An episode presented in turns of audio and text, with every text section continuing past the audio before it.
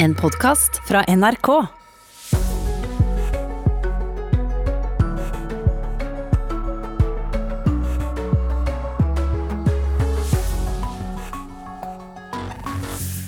Post annenhver dag, hjemmekontor, korona og grønn omstilling i Tyskland. Der har du det korte innholdet her i Nyhetsmorgen den neste halvtimen.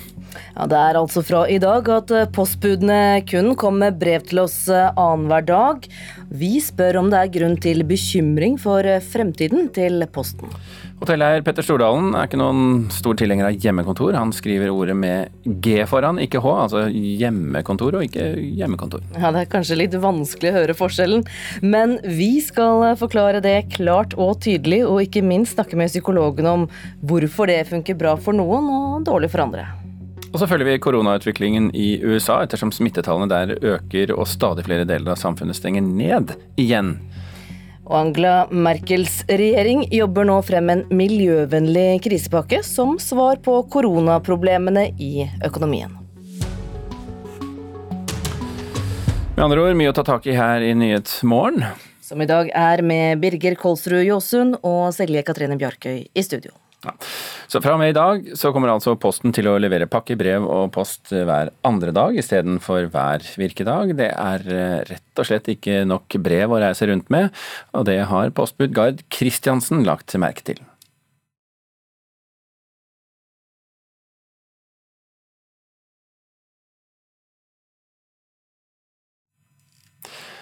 Og da ville det jo vært helt på sin plass om vi nå fikk høre Gard Kristiansen. Så um, Leverer jeg første bølgen, går jeg inn, spiser lunsj, fyller jeg tralla på nytt med ny bølge. Ja, det har jo gått ned. da. I dag er det ikke så veldig mye. Det er litt lite. Det sier postbud i rundt ti år, Gard Kristiansen. Posten leverer i snitt tre brev per postkasse i uken. De mener at det ikke er økonomisk forsvarlig å opprettholde fem dagers postlevering med så lav leveringsmengde. Derfor vil folk nå motta post annenhver dag. Kristiansen tror det vil variere veldig hvor stor betydning det vil ha for folks hverdag. Det kommer vel an på hvor mye post man får. Man får jo bare post annenhver dag. Det er vel da hvis du venter på noe du kanskje kommer til å merke det, men eh, det er veldig ofte jeg ser at de ikke nødvendigvis henter posten hver dag, så da merker du jo ikke engang. Så det kommer litt an på hvor mye du får. Nå regner det, så da prøver jeg å liksom være minst mulig ute. Kristiansen sier at de har opplevd en nedgang i antall brevleveringer, men at digitaliseringen har ført til at folk mottar flere pakker enn tidligere. Det er pakker er kanskje det som har økt mest, føler jeg. I hvert fall nå den siste, når den koronaen slo til. Da ble det veldig mye pakker, og, for det har bestilt mange via ja, nettbutikk. da. Til tross for de nye endringene i Posten, så nedbemanner de altså ikke, men ser seg nødt til å omorganisere internt. Nå var jeg jo heldig, eller Alle beholdt jo jobben, så Posten klarte å finne til eh, De som ikke skulle gå videre med post, fikk andre jobber i Posten. da. Men eh, jeg beholdt jo, så jeg skal gjøre det samme som jeg gjorde. Reporter her det var Oskar Henrik Biti Næss. Avdelingsdirektør for operasjonell utvikling i Posten Norge, Gunnar Indeberg, god morgen. God morgen. Hvorfor skjer denne utviklingen nå?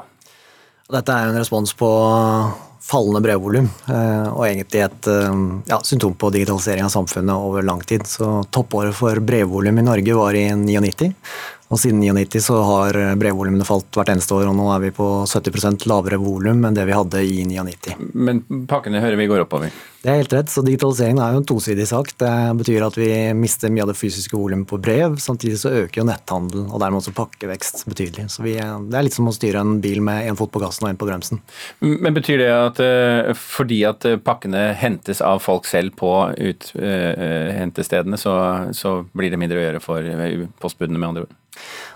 Nei, Jeg tror ikke sammenhengen har noe med, med, med hentepunktene i seg selv. Pakker er, Det er mange måter å levere pakker på. så Noe går til hentepunkt, og noe leveres hjem. så Det er en, en miks del av det. Men brevvolumene utgjør en veldig stor del av det som er postbudenes hverdag. og Når de faller så betydelig som de gjør, med 10-12% i året, så må vi også tilpasse oss det. Dere i Posten går jo nå gjennom en, en voldsom stressituasjon, for å kalle det det. Har vært de siste 20 årene, som du indikerer. og Hva, hva, gjør, dere, hva gjør, det med dere som, som organisasjon? Mm.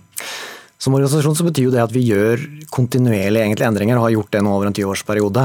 Eh, så, så det gjør at vi får en, endrings, si, en endringskompetanse til faktisk å tilpasse oss også fallende volum, men også økte volum. Så det er egentlig helt å finne den balansen mellom de tingene. da. Eh, så akkurat det vi gjør nå, er å gå over til annenhver dag eh, distribusjon av brevpost. Samtidig som vi også gjør andre grep for å bygge opp pakkedelen. Så Vi ruller ut der pakkeautomater, vi skaper nye tjenester osv. Så, videre. så det er, det er, begge deler samtidig. Men hvordan skal dere unngå å bli, gå inn i rekken etter Kodak og Nokia?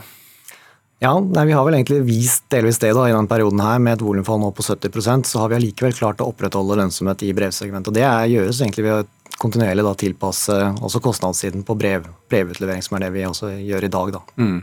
Hvor, hvor mange ansatte var dere på topp? begynnelsen av 90-tallet, før automatisering av sorteringsterminaler, og sånn, så var Posten på 32 000 ansatte. Og nå? I dag er vi rundt 13 000. Ja, og, og, og flater kurven ut, eller eh, går det jevnt nedover? Eh, det har jo gått nedover med Vi har vel nedbemannet med et sted mellom 500 og 1000 årsverk de siste 10-15 årene. Så, så, det er jo betydelig. Og det fortsetter jevnt? Ja, det fortsetter jevnt og jevnt. Vi tror det er vanskelig å snu selve digitaliseringskurven på brev, så, så, de tror vi fortsetter nedover. Samtidig så er jo pakkeveksten stor, og det gjør at vi øker på den siden. Mm. Så, men hvor flater brevkurven ut, det vet vi ikke riktig. Vi tror at det kommer til å være igjen, være igjen noe sendinger også i brevstrømmen, men betydelig lavere nivå enn det det er i dag også. Betyr det da også at vi går fra annenhver dag til f.eks. én dag i uken? Hva neste steg er, har vi ikke avgjort ennå. Eh, men at vi tror at vi også i framtida må tilpasse brev, måten vi leverer ut brev på, det, det, tror vi skjer. Norge er jo et land hvor vi ligger langt framme på digitalisering. og, og ja, På brevsiden så er jo da Norge er vel det landet i verden som har eh, Bak Danmark så er det vi som har høyest brevvolumfall, og også som har vi dermed måtte gjøre størst tiltak på brevsiden. Da. Har vi Posten i fremtiden? Posten tror jeg absolutt vi har i fremtiden. Eh, jeg tror det bare handler om at innholdet endrer seg underveis. Men er, er du bekymra for organisasjonen? Jeg er bekymra for brevvolumene, men jeg er ikke bekymra for organisasjonen. Fordi vi faktisk evner å gjøre de tilpasningene både på kostnadssiden, men også skape nye inntektsmuligheter gjennom pakkevekst og, og nye tjenester som vi også tilbyr. Gunnar Inneberg, takk for at du var med oss her i Nyhetsmorgen. Bare hyggelig.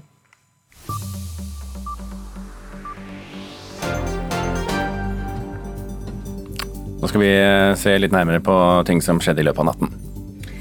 Israel stenger ned igjen etter nye utbrudd med hundrevis av nye tilfeller av koronasmitte hver dag. Selv om svært få har dødd eller blitt alvorlig syke, har myndighetene gjeninnført flere tiltak. Bl.a. er barer, nattklubber, svømmebasseng, treningssentre og konserthaller stengt ned. Restauranter kan bare ha 20 gjester innendørs, synagoger og moskeer kan bare slippe inn 19, og bussene de får ikke ha mer enn 20 passasjerer. Her hjemme i Norge er det nå registrert 8936 tilfeller av eh, koronasmitte. Det er seks flere tilfeller siste døgn, og de siste to dagene er økningen på ni tilfeller. Til sammen får elleve personer nå behandling på sykehus for covid-19-sykdom. 251 er til sammen døde av sykdommen. Et jordskjelv med en styrke på 6,6 har rammet kysten av Indonesia. Det er så langt ikke meldt om skader. Skjelvet hadde episenter i havet på 500 km dyp. At skjelvet var så dypt, gjør at det er lite sannsynlig at det har oppstått større skader, sier det amerikanske jordskjelvsenteret. Skjelvet skjedde altså i havet, ca. 100 km fra byen Batang. Her er av det du får vite mer om hvis du følger med på NRK Nyheter i dag. Ja, Fra og med i dag kommer Posten til å levere pakker, brev og post hver andre dag istedenfor hver virkedag. Årsaken det er at det ikke er nok brev å reise rundt med. Og kampen om mesterligaplass fortsetter i engelsk eliteserie. Da snakker vi selvfølgelig fotball. I dag blir det spilt tre kamper i det som er den 34. av 38 runder i den engelske eliteserien for menn. Klokken 19 møter Crystal Palace Chelsea, Watford møter Norwich, og klokken 21.15 møter Arsenal Leicester. Er hjemmekontor fremtiden for norsk arbeidsliv, eller er det en kilde til ensomhet og ineffektivitet? Meningen om det er delte i Bedrifts-Norge, og etter at mange altså måtte flytte arbeidsplassen til kjøkkenbord, vaskerom, mer eller mindre velfungerende kontorfasiliteter hjemme pga. faren for koronasmitte. Hotellkongen Petter Stordalen tilhører gruppen som er skeptiske til hjemmekontor. Hjemmekontor kan du stave med GJ. Dermed bygger eieren av Choice-kjeden Ving og Hurtigruta opp under myten om at hjemmekontor er et sted der man gjemmer seg unna sjefens årvåkne blikk. Det står i kontrast til Telenor-sjef Sigve Brekke, som i Dagsrevyen i vår annonserte at hans ansatte kan få jobbe hvor de vil, også i framtida. Vi tror at det framtidige arbeidsliv kommer til å forandre seg. Vi tror at eh, det kommer til å være mer basert på tillitsledelse og mer basert på fleksibilitet for de ansatte til å finne de løsningene som passer best for dem. Fra Petter Stordalens ståsted fungerer ikke hjemmekontoret like bra. Jeg har jo prøvd business-delen av det. Det å få til gode, konstruktive møter, gjøre dealer, få til ting. Det handler også om det, alt det som ikke du får til på en eller annen videokonferanse. Og det at vi møtes. Stordalens dårlige erfaringer med ulike digitale plattformer gjelder også sosiale sammenkomster. Vi hadde sånn fest på Zoom eller Meetset av de, og det er ikke det samme. Det er ikke det samme å sitte hjemme i stua med et glass vin, og så ser du han andre sitter i stua si med et glass vin. Ja, men det er, det, er, det er sånn vi er som mennesker. Jeg savner det. Ja, det var altså Petter Stordalen du hørte der, reporter var Olav Juven. Og i Sommerkvarteret, som er klokka 7.45, da kan du høre mer fra Petter Stordalen og hva han sier om reiselivet, imperiets fremtid, tre måneder etter at han fryktet for arbeidsplassene da han var gjest hos Lindmo. Ja, vi, vi, skal snakke, vi, skal snakke, mer om det, men vi har litt trøbbel med å få opp psykologen vår på linje, så vi går eh, til en linje som fungerer, eh, nemlig til Tyskland. Fredag vedtok et nesten enstemmig tysk parlament at de skulle slutte å bruke kull og kun bruke fornybar energi innen 2038. Tyskland blir dermed den største økonomien i verden som gjør en slik grønn omstilling. I tillegg så jobber Angela Merkels regjering nå med en miljøvennlig krisepakke. Og Christian Aanonsen, korrespondent for tiden tiden i Berlin. En miljøvennlig krisepakke vi snakker om her, hva, hva er det for noe? Ja, det kan du si. Det er altså Merkel og hennes regjering som nå jobber for å få frem en eh, pakke på 145 milliarder euro. Eh, Dvs. Si 1500 milliarder kroner. Det er vel omtrent som et norsk statsbudsjett. Og en tredjedel av det skal da altså øremerkes til bedrifter som vil legge om driften og, eh, og en såkalt grønn omstilling. Det som har skapt noe debatt, eller mest debatt her, er jo at eh, bilindustrien, bensin- og dieselbilene, får ingenting. Mens uh, elbiler får da 9 milliarder i denne forslaget som er lagt fram, som de nå behandler. Uh, en sånn pakke er ganske unikt i tysk sammenheng. De har stort sett alltid vært ganske tilbaketrukne når det gjelder å tilby krisepakker i eh, sånne situasjoner. Men eh, de har nå snudd og vil gjerne at økonomien, den tyske økonomien skal bli mye mer bærekraftig og miljøvennlig i tiden fremover. og Derfor bruker de da anledningen til en såkalt grønn stimuli av økonomien. Men Christian, vi vet jo at uh, Tyskland er jo uh, et av de landene som er virkelig avhengig av kull, og bruker veldig mye kull hver eneste dag. Uh, så utfasing på 18 år, det høres veldig ambisiøst ut? Ja, det er det. 40% omtrent bruker de eh, i dag på, av sin energi på kull. Eh, og nær halvparten da på sol og vind og, og, og vann. Eh, det er den delen som skal eh, da økes. De resterende prosentene er jo atomkraft, og det har de allerede bestemt at de skal fase ut i løpet av tre år. Så det er et meget ambisiøst prosjekt de jobber med, og de har jo allerede begynt. Altså, de har lagt opp til at 24 store kullkraftverk i løpet av tre, nei, unnskyld, fire år nå skal legges om og fase, øh, omstilles til å, å, å, ha en renere fornybar energi. Men dette er egentlig ikke så veldig kontroversielt her nede. Det er ganske stor Det var nesten enstemmig. Det var én stemme imot forslaget på, på fredag. Og en meningsmåling som eh, den tyske TV-kanalen ZDF gjorde, viser at tre fjerdedeler av tyskerne støtter et eh, sånt tiltak. Eh, sånn at det, det store diskusjonen her har vært hvor mye, mange penger skal områdene eh, som har kulldrift og kullselskapene få. Og Der ble de enige om en pakke på 500 eh, milliarder kroner, som skal gå da til omstilling av bedriftene, infrastruktur i områdene, videreopplæring, utdanning av de ansatte og sånne ting. Så dette er jo den største energipolitiske vedtaket i tysk politikk siden de bestemte å legge ned atomkraftverkene etter Fukushima-ulykken Fukushima i 2012. Nei, unnskyld, 2011 var det. 2011, ja. Ok, Kristian Aanonsen, eh, takk for at du var med oss fra Berlin nå på morgenkvisten.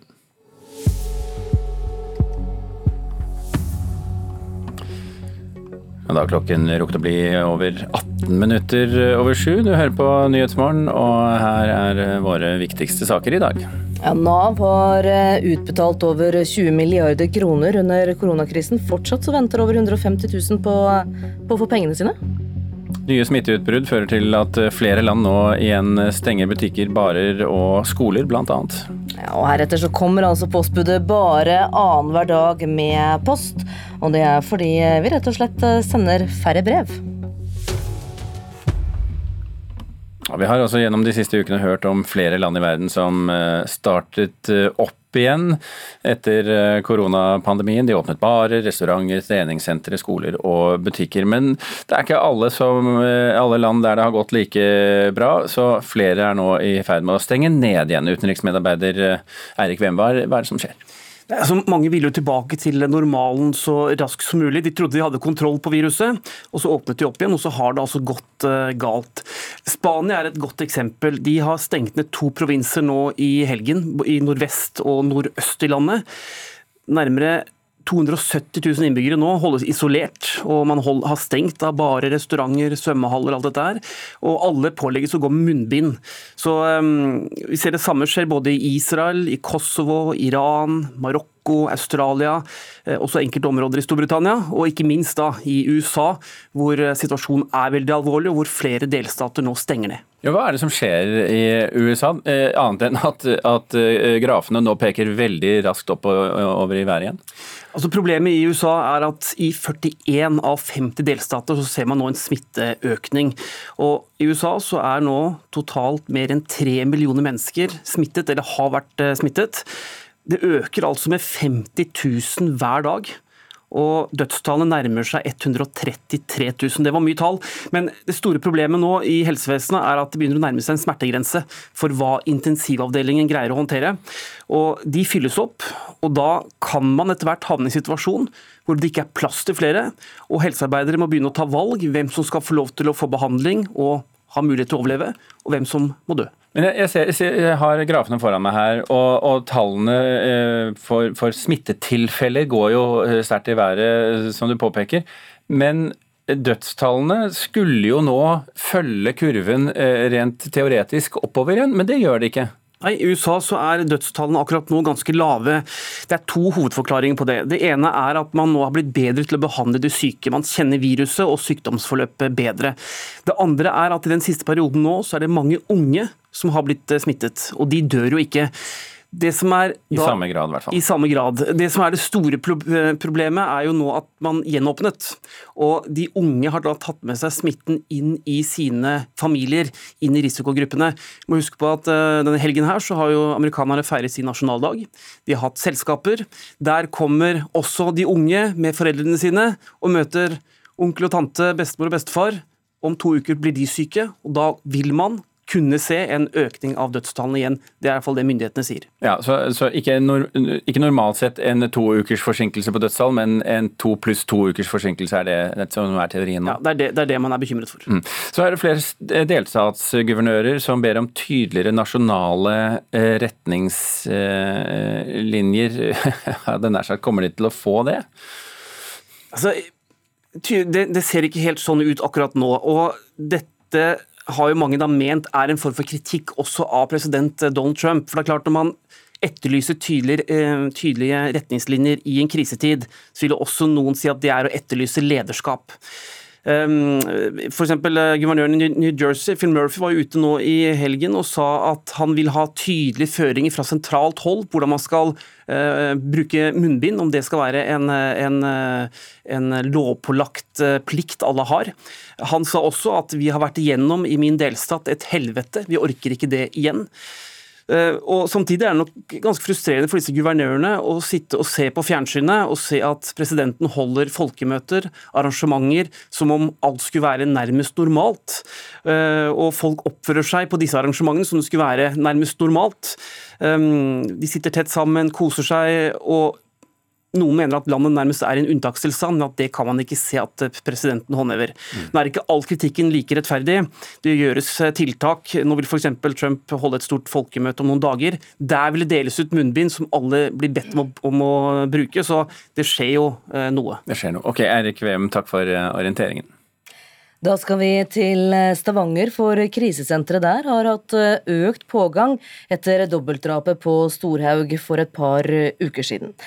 Ulike aktører som politi, barnevern og helsestasjoner har i tiden etter drapene tatt kontakt med krisesenteret. Det er for å få råd og hjelp i saker der partnervold og trusler er tema. Det gjør jo noe med oss alle, både, både de som lever med vold og de som skal hjelpe de som lever med vold. Natt til 24.6 blir ei kvinne og en mann funnet drept i en bolig på Storhaug i Stavanger. En mann blir kort tid etterpå sikta for drapene. Mannen var kvinnens tidligere partner. Noe politiet kom med mer detaljer rundt dagene etterpå. Samlivet tok slutt i mai, og hun flyttet ut fra felles bolig. Det er etter dette registrert flere anmeldelser med relevans eh, for saken, i tillegg til andre kontakter med eh, politiet. Før da politiet rekker å avhøre siktede, skjer drapene. Så det er jo det med partnerdrap at i syv av ti tilfeller så er de jo i kontakt med hjelpeapparatet. Monica Welde Wiste er leder på krisesenteret i Stavanger.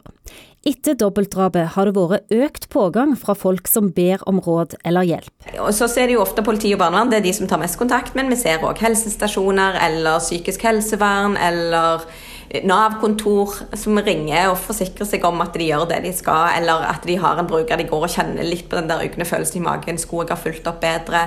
Så Det er sånne henvendelser vi får. Vi har jevnlig dialog med, med krisesenter, og det er kort vei. Det er jevnlige oppfølgingsmøter fysisk.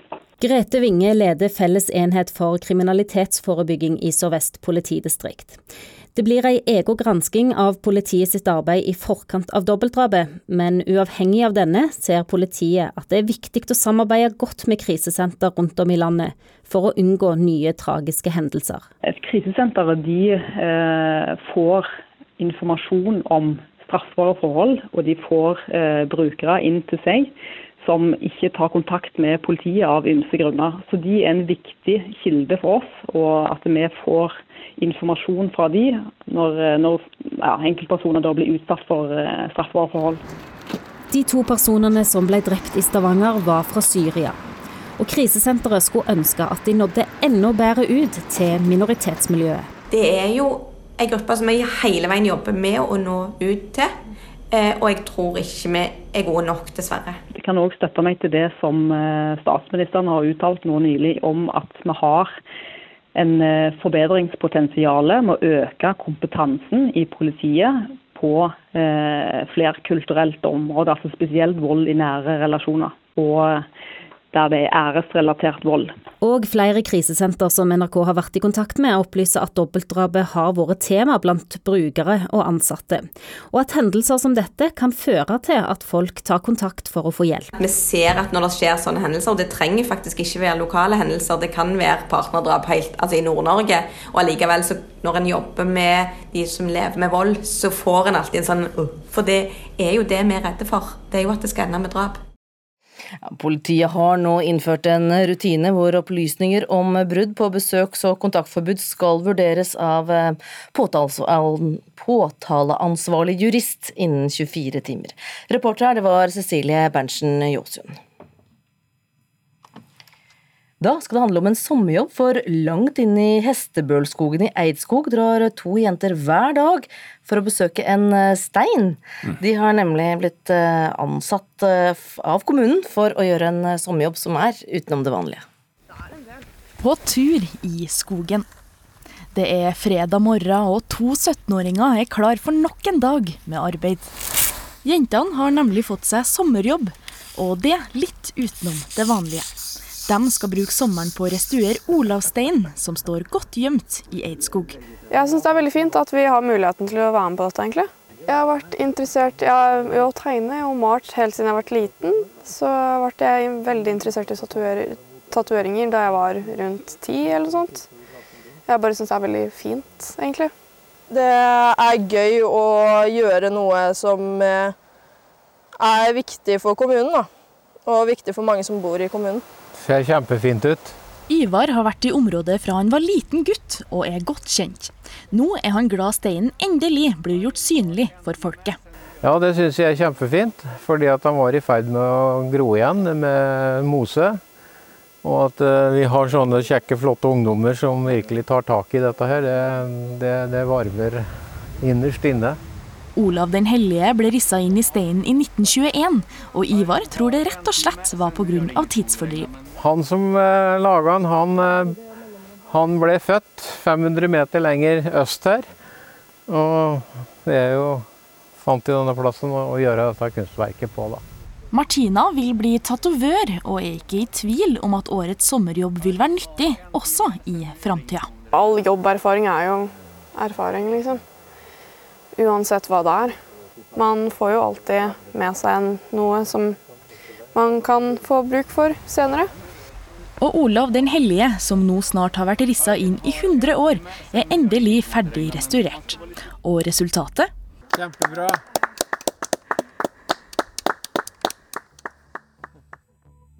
Reportere her, det var Mette Voldan. Klokken er straks eh, Dagsnytt 7.30, og det betyr eh, at Anders Borgen Werring er på vei inn i studio nå. Så snakket vi, vi mista jo en linje i stad. Psykologen eh, Oddvar Skjæveland skulle snakke om hjemmekontor kontra hjemmekontor. Eh, og hvorfor hjemmekontor fungerer veldig bra for noen og ganske dårlig for andre. Vi får han opp igjen.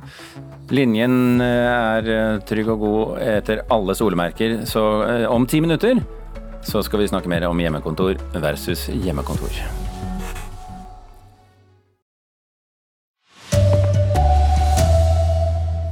Nav har utbetalt over 20 milliarder kroner under koronakrisen. Fortsatt venter over 150 000 på penger. Nye smitteutbrudd fører til at flere land igjen stenger butikker, barer og skoler. Heretter kommer postbudet bare annenhver dag.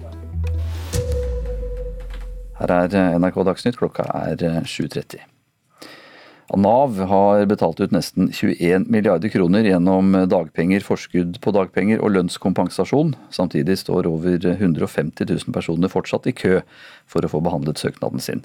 Hva den endelige utbetalingen for Nav blir, er ikke klart, sier fagsjef Yngvar Aasholt i Nav. Det er jo helt enormt hvor mye det har kostet eh, landet. Tallene understreker dimensjonene av denne krisa, sier Vegard Einan. Han er Høyre-politiker og statssekretær i Arbeids- og sosialdepartementet. Det forklarer jo alvoret i situasjonen, men ikke minst at det er dimensjoner som vi ikke kunne ha forestilt oss, eller som vi aldri har opplevd før. Og Det er jo det, er jo det, som, er, det, er det som er det mest dramatiske, at dette er jo ikke en krise som rammer én bransje spesielt. Den rammer, har rammet bredt over hele samfunnet og hele arbeids- og næringslivet. 155 000 søknader står ennå ubehandlet hos Nav. Nav regner samtidig med at de største summene allerede er utbetalt, sier Aasholt. Vi kommer til å jobbe gjennom sommermånedene. Vi har gjort alle de tiltak vi kan. slik at vi, vi spiser jo nå eh, ned denne pukkelen som oppsto, eh, gradvis. Eh, og jobber nå på spreng for å komme à jour, og det vil vi være for noen grupper i juli, noen grupper i august og de siste i september. Det har vært en overveldende oppgave å få ut penger folk har krav på, sier Aasholt. Det syns jeg at vi har fått til ganske bra. Men samtidig så ser vi at det er veldig mange som venter på penger, som er eh, skuffa, som eh, er irriterte. Og det skjønner jeg veldig godt. Eh, samtidig så må folk være trygge på at vi gjør alt vi kan som står i vår makt for å få pengene ut, og alle skal få de pengene de har krav på. Reporter her, det var Fredrik Kampevold. Brasil nå, for der har eh, koronaviruset tatt livet av mer enn 65 000 mennesker. Fortsatt øker tallet på dødsofre raskere enn i noe annet land i verden. Likevel er myndighetene i full gang med å gjenåpne samfunnet, og mange advarer. Vår reporter i Rio de Janeiro, Arnt Stefansen, har sendt oss denne reportasjen. Jeg er på restaurant for første gang på mer enn tre måneder. Og smitteverntiltakene er strenge på mitt lokale stamsted Adega do Cesare. Uma mesa sim, outra não, né? Só pode trabalhar com 50%. Vi kan bare bruke annethvert bord. Vi sjekker temperaturen til alle gjestene, og vi er ekstremt nøye med håndvask og annen hygiene, sier innehaveren Carmen Suárez. En krise som dette har vi aldri opplevd, sier hun fortvilet.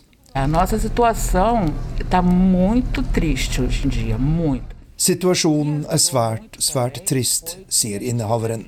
Det som har reddet oss, er matlevering hjem til folk. Rio de Janeiro og Brasil er i gang med et risikabelt prosjekt. Å gjenåpne landet mens koronatallene fortsatt er skyhøye. Ekspertene advarer, og flertallet av brasilianerne mener man burde ha ventet, viser en undersøkelse. Det er fortsatt lite som er normalt her i Rio de Janeiro, og ekspertene spår at vi må leve dette rare livet resten av koronaåret 2020 sa reporter eh, Arnt eh, Stefansen. Og I likhet med Brasil, som vi hørte her, så har eh, flere land de siste ukene startet gjenåpning etter koronapandemien. Barer, eh, restauranter, treningssentre, skoler og butikker eh, åpnet, og så har de stengt igjen. Utenriksmedarbeider Erik Veum, hva er det som skjer? Altså Mange land vil jo åpne opp igjen så snart som mulig. De trodde de hadde kontroll og vil forsøke da å få samfunnet i gang igjen, og så har det da gått galt for, for eh, mange land. Spania er et godt eksempel. De stenger nå ned to provinser, en nordvest i landet og en nordøst i landet. Og Der er altså 270 000 mennesker nå nærmest isolert. De må bruke munnbind. Alt er nesten stengt for å forsøke å få kontrollen igjen.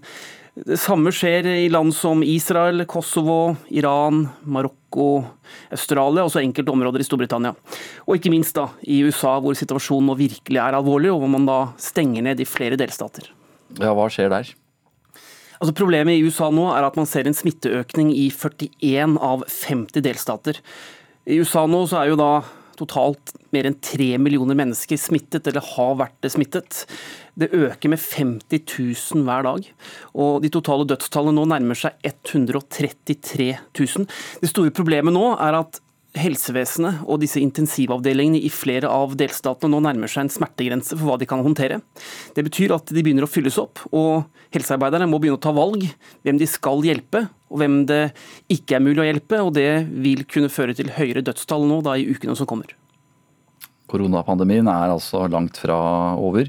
Takk skal du ha, utenriksmedarbeider eh, Eirik Veum. Over 50 eh, mennesker har nå mistet livet i flommen som har rammet Japan. Flere titalls mennesker er eh, fortsatt savnet, melder eh, nyhetsbyrået Ap. Øsende regnvær siden fredag har utløst voldsomme oversvømmelser i det sørlige Japan. Den svenske medieprofilen og aktivisten Sissi Wallin risikerer fengselsdom for ærekrenkelse når hun gir ut sin selvbiografi. Det mener eksperter i den ytringsfrihet både i Sverige og Norge. Wallin er tidligere dømt for ærekrenkelse mot journalisten Fredrik Virtanen for å ha hengt ham ut som en eh, voldtektsmann. Men Wallin lar seg ikke stoppe, og hevder, boka, hevder i boka at hun ble voldtatt, og forteller hvordan hun opplevde det. Jeg har sagt at jeg hele tiden er beredt å ta den risken. Eh, for hypotetisk så kan jeg jo havne i fengsel, men det er aldri noen som har gjort det, så vidt jeg vet, i Sverige for at ha skrevet en bok. I sin selvbiografi 'Alt som var mitt' forteller Sissi Wallin sin historie, og hvordan hun opplevde det hun mener er en voldtekt som 21-åring.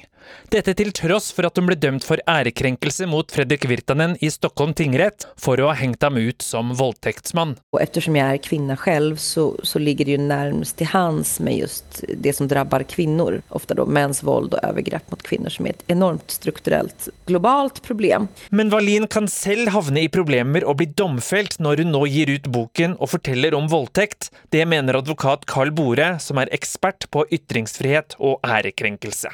Voldtektsanklagen må kunne bevises. Hvis ikke så bryter hun loven og menneskerettighetene og, og kan bli dømt til, for ærekrenkelser igjen. Allerede før utgivelsen kaster Fredrik Virtanen ut en brannfakkel. Han sier forlaget kommer til å bli politianmeldt om boka inneholder samme løgner som Wallin ble dømt for av svensk domstol. Det norske forlaget Memo sier til NRK at de mener boken går under ytringsfriheten, og Wallin selv mener hun er berettiget til å fortelle om sine opplevelser. Jeg syns at det er vel alle menneskers rett nesten å få gi sin versjon. Jeg, syns ikke at det skal være straffbart å berette sin egen historie. Ja, Det sa altså den svenske medieprofilen og aktivisten Sissi Wallin. Reporter her, det var eh, Knut Øyvind Hagen.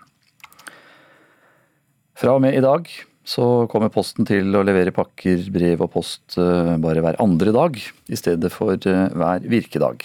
Endringen skyldes digitaliseringen og at brevvolumet har falt dramatisk de siste åra. Det har postbud Gard Kristiansen lagt merke til leverer jeg første bølgen, går jeg inn, spiser lunsj, fyller jeg tralla på nytt med ny bølge. Ja, det har jo gått ned. da. I dag er det ikke så veldig mye. Det er litt lite. Det sier postbud i rundt ti år, Gard Kristiansen. Posten leverer i snitt tre brev per postkasse i uken. De mener at det ikke er økonomisk forsvarlig å opprettholde fem dagers postlevering med så lav leveringsmengde. Derfor vil folk nå motta post annenhver dag. Kristiansen tror vil variere veldig hvor stor betydning det vil ha for folks hverdag. Det kommer vel an på hvor mye post man får. Man får jo bare post annenhver dag. Det er vel da hvis du venter på noe du kanskje kommer til å merke det, men eh, det er veldig ofte man jeg ser at de ikke nødvendigvis henter posten hver dag, så da merker du det jo ikke engang. Så det kommer litt an på hvor mye du får.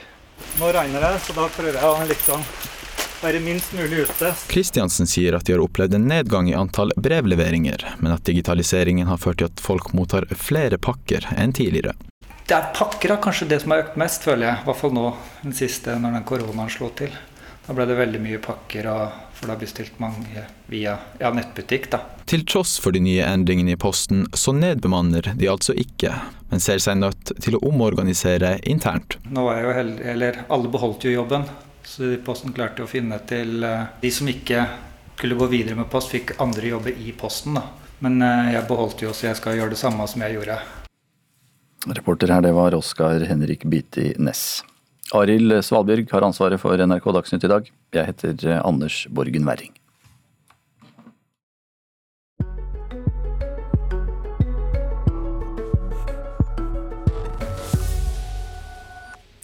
Er eh, hjemmekontor fremtiden for eh, norsk arbeidsliv, eller er det en kilde til ensomhet og ineffektivitet?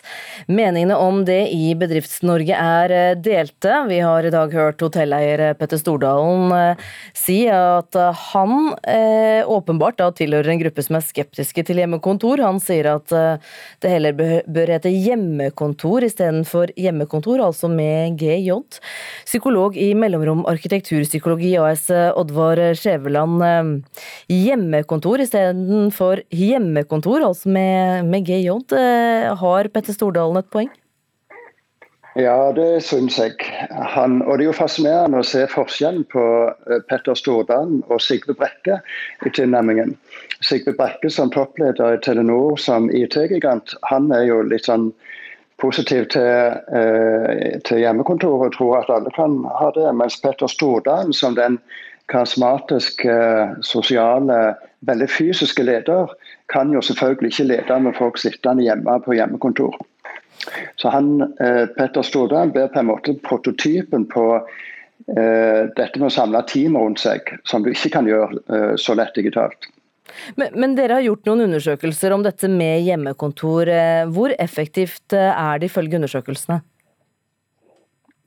Det er blanda og nøytralt. Vi har nøyaktig 50 5-0 i en ganske stor undersøkelse som føler seg ensom hjemme. I det ligger det at den halvparten mister energi, de mister eh, sosial kontakt. De kan òg potensielt miste kvalitetssikring, læring osv. Den andre halvparten, 50% de syns at det er fra ganske greit til fantastisk uh, å være hjemme. Og når vi ser litt nærmere på hvilke grupper som, som uh, dette handler om, så er det jo lett å forstå at f.eks. For et ungt par som sitter i en trang byleilighet og må velge mellom sofaen og kjøkkenbordet eller mellom sofaen og senga for å sitte og jobbe, at de ikke føler det optimalt. Og I den andre enden har du kanskje eh, 60-åringen som har eh, masse plass, og der de kan ha hver sitt hjemmekontor, de to som ennå er hjemme. Og kan optimalisere det på de aller beste måtene. Og kanskje har sistnevnte òg eh, mye mer autonome stillinger, som gjør at de kan, eh, kan utforme jobben sin mye friere enn det unge paret i sofaen. Og midt imellom har du selvfølgelig barnefamiliene med alt det medfører. Ja, for en del har jo da blitt sittende hjemme, kanskje i mindre boliger og med hele familien til stede, smått og stort? Ja da, og det kan jo være den rene marerittsituasjonen. Og der får vi veldig eh, dårlig opplevd produktivitet og effektivitet i, i spørreundersøkelsen. Og når vi ser litt eh, på annen forskningslitteratur, så ser det ut som at fra arbeidstakersynspunkt så vil to til to og en halv dag per uke være optimalt sånn i gjennomsnitt.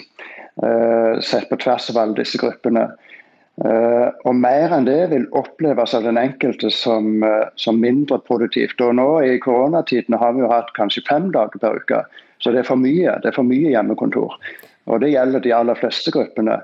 Mens vi tror at fra arbeidsgiversynspunkt så vil kanskje bare én dag per uke være bra. For hvis du er særlig mye mer enn det vekke fra kontoret, så slår Petter Stordalen sitt poeng inn. Og da blir det for lite sosialt, for lite teamfølelse, for lite energi, for lite inspirasjon. Alt det. Så vi tror at for framtida så vil det kanskje roe seg med hjemmekontor på på nesten det det var. Sånn én, kanskje to dager per uke i gjennomsnitt. Takk skal du ha, Oddvar Skjæveland. Og svar på hva det blir, det, det vil fremtiden vise. Takk skal du ha. Ja, Det er Nyhetsmorgen du hører på. Klokka er straks 7.45. Det neste kvarteret så skal du få møte nettopp eh, Petter Stordalen. Hotelleieren gikk rett i kjelleren da koronaen tømte hotellene hans for gjester og pengene rant ut av bedriften. Nå ser han lyset, men eh, definitivt ikke på et hjemmekontor. Dagens sommerkvarter er laget av Tore Tollersrud og Trond Lydersen.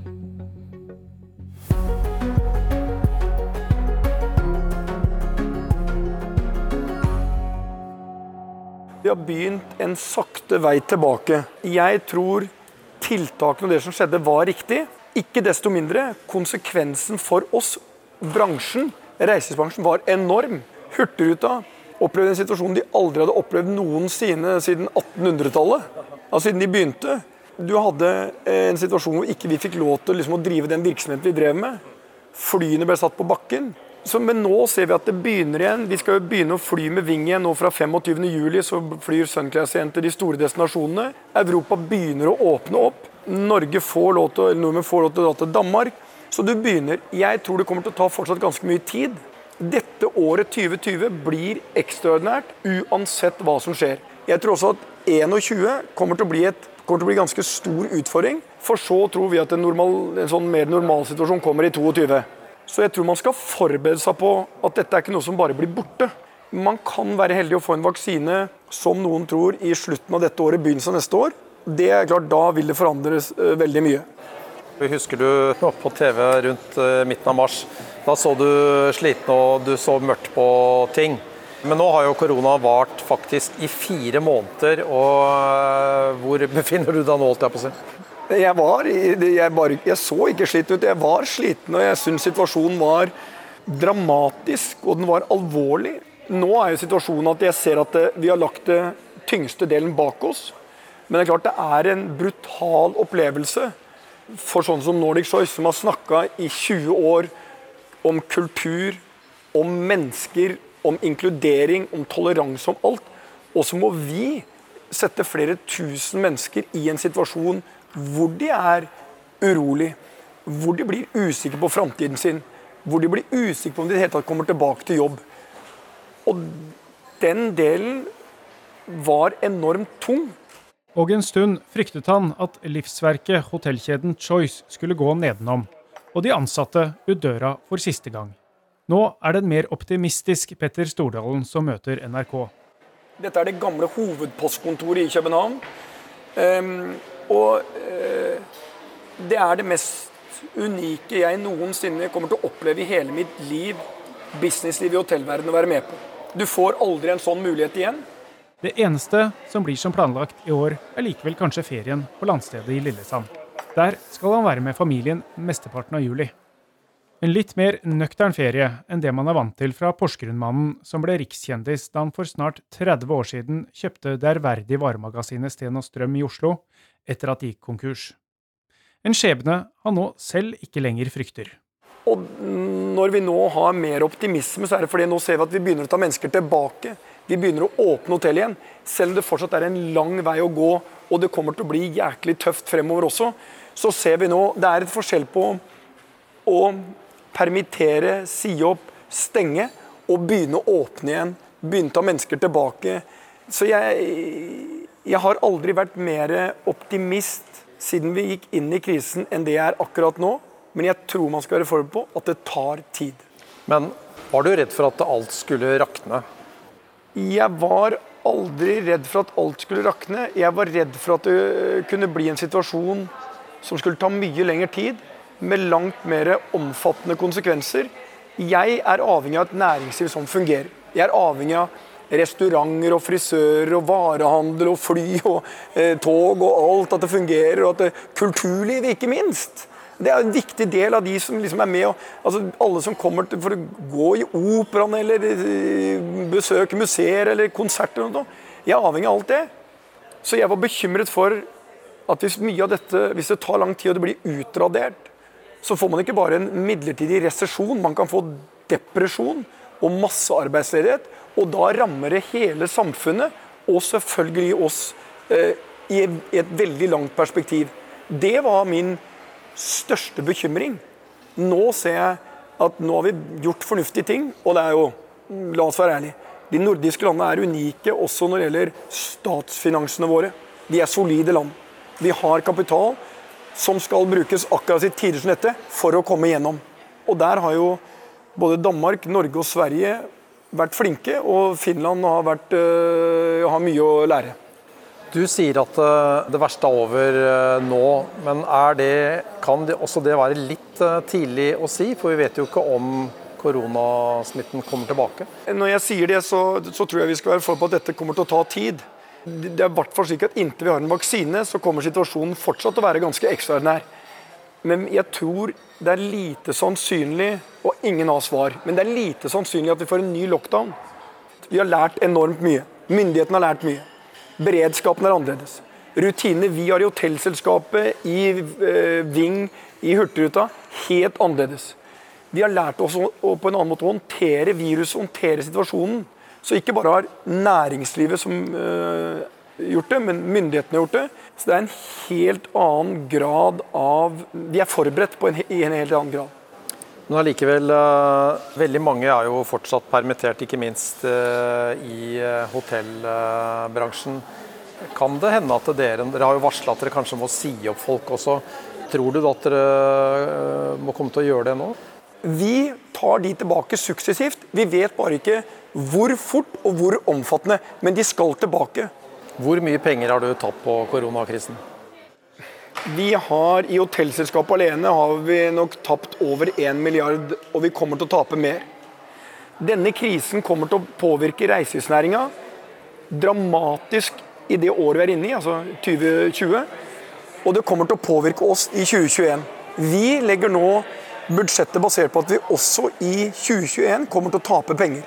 Mye penger. Men nå har vi planlagt for det, og vi er forberedt på det.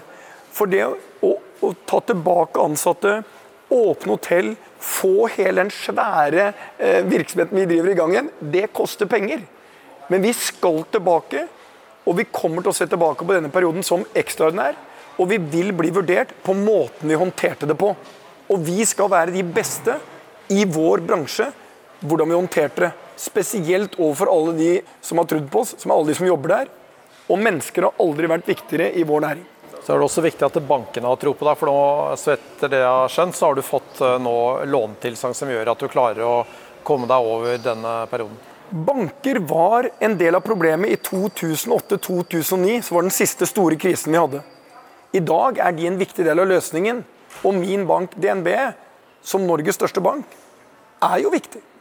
Hvis ikke de er der, ikke bare overfor meg, og for veldig mange av de kundeforholdene som, eh, som er i den banken, så vil jo bedrifter gå tom for penger.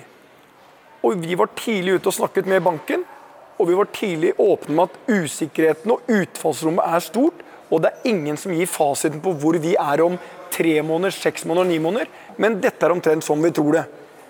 Og i dag så, så er vi omtrent der vi trodde vi skulle være, og vi taper omtrent så mye penger vi trodde vi skulle gjøre, som fortsatt er enormt mye penger. Men det er også sånn du må tørre å satse ut av krisen. Det er ikke noe alternativ for oss å beholde Vi skal jo ha alle de permitterte tilbake i jobb. Vi skal jo ha fart i hotellene våre igjen. Vi skal ha restauranter, vi skal ha virksomheten i gang igjen. Det er jo livet. Altså, I hvert fall viktigere av livet mitt. Og vi har, vi har putta på alle de ressursene vi har. Vi sitter her nå i et hotell som du åpner om et par dager. Eh, hvis jeg ikke tar helt feil, så har du vært har du, det, Hvor mye har du brukt på å pusse opp her? Halvannen milliard eller mye mer? Å nei. Eh, vi kommer nok til å passere 2,5 milliard fra vi begynte med kjøp av bygget. Dette er brutto med det utvendige hagen og det vi har gjort, omtrent 30 000 kvadratmeter. Dette er det gamle hovedpostkontoret i København. Um, og uh, det er det mest unike jeg noensinne kommer til å oppleve i hele mitt liv, businessliv i hotellverdenen, å være med på. Du får aldri en sånn mulighet igjen. Ehm, og hadde det, vært, hadde det ikke vært eh, dette eh, jækla viruset, så hadde, så hadde det vært pakk fullt her fra vi åpna dørene. Altså, København er jo en enorm destinasjon for internasjonal turisme. På sommeren her så er 80% av alle som bor her, er ikke danske. Altså, det er nordmenn, tyskere, amerikanere og alt. Nå er det basically ingen av de som kommer. Så det blir jo Her kommer vi til å ha det meget tøft i hele, 20, i hele år og store deler av neste år. Men 2,5 milliard, er ikke det litt friskt midt i den koronaperioden å åpne et nytt hotell? Jeg tror det hvilket som helst hotell, og jeg tror ikke det er noe forskjell på om man har investert 1 milliard eller 2,5 milliard i korona. Når gjestene er borte, så er det dårlig uansett. Men det er jo en situasjon som er forbigående. Dette hotellet kommer til å stå her i 100 år. Av det så var det 18 måneder i en spesiell situasjon. Så, og du, ingen av oss tenkte på korona og dette viruset når vi startet investeringene. Um, og det skapte en del utfordringer for oss i sluttfasen, men vi har løst det, og vi åpner. Ja, Du har gått litt i kamp med dette viruset.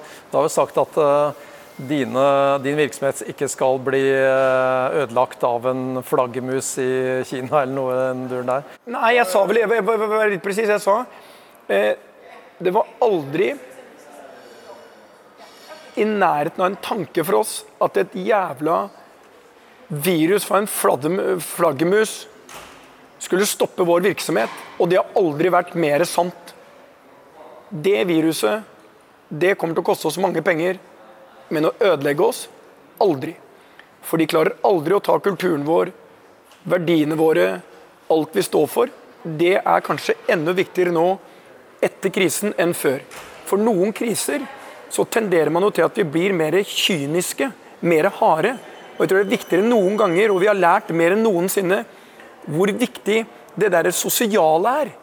Det at når vi, når vi fikk føle på sosiale begrensninger Jeg får ikke lov til å gjøre det jeg egentlig har lyst til å gjøre. Da er savnet desto større. Når vi åpna for å selge Ving, altså du kunne reise til eh, Spania og Grekeland igjen, og det var programmet for sommeren 2021, så var det 50% flere bookinger enn det normalt er. Folk vi er sosiale dyr. Vi vil ut. Vi vil møte venner, familie. Vi vil reise, vi vil oppleve ting. Sånn sett så kan man si at veldig mange nordmenn opplever nå Norge på en, eh, på en måte de ikke hadde tenkt bare for noen måneder siden.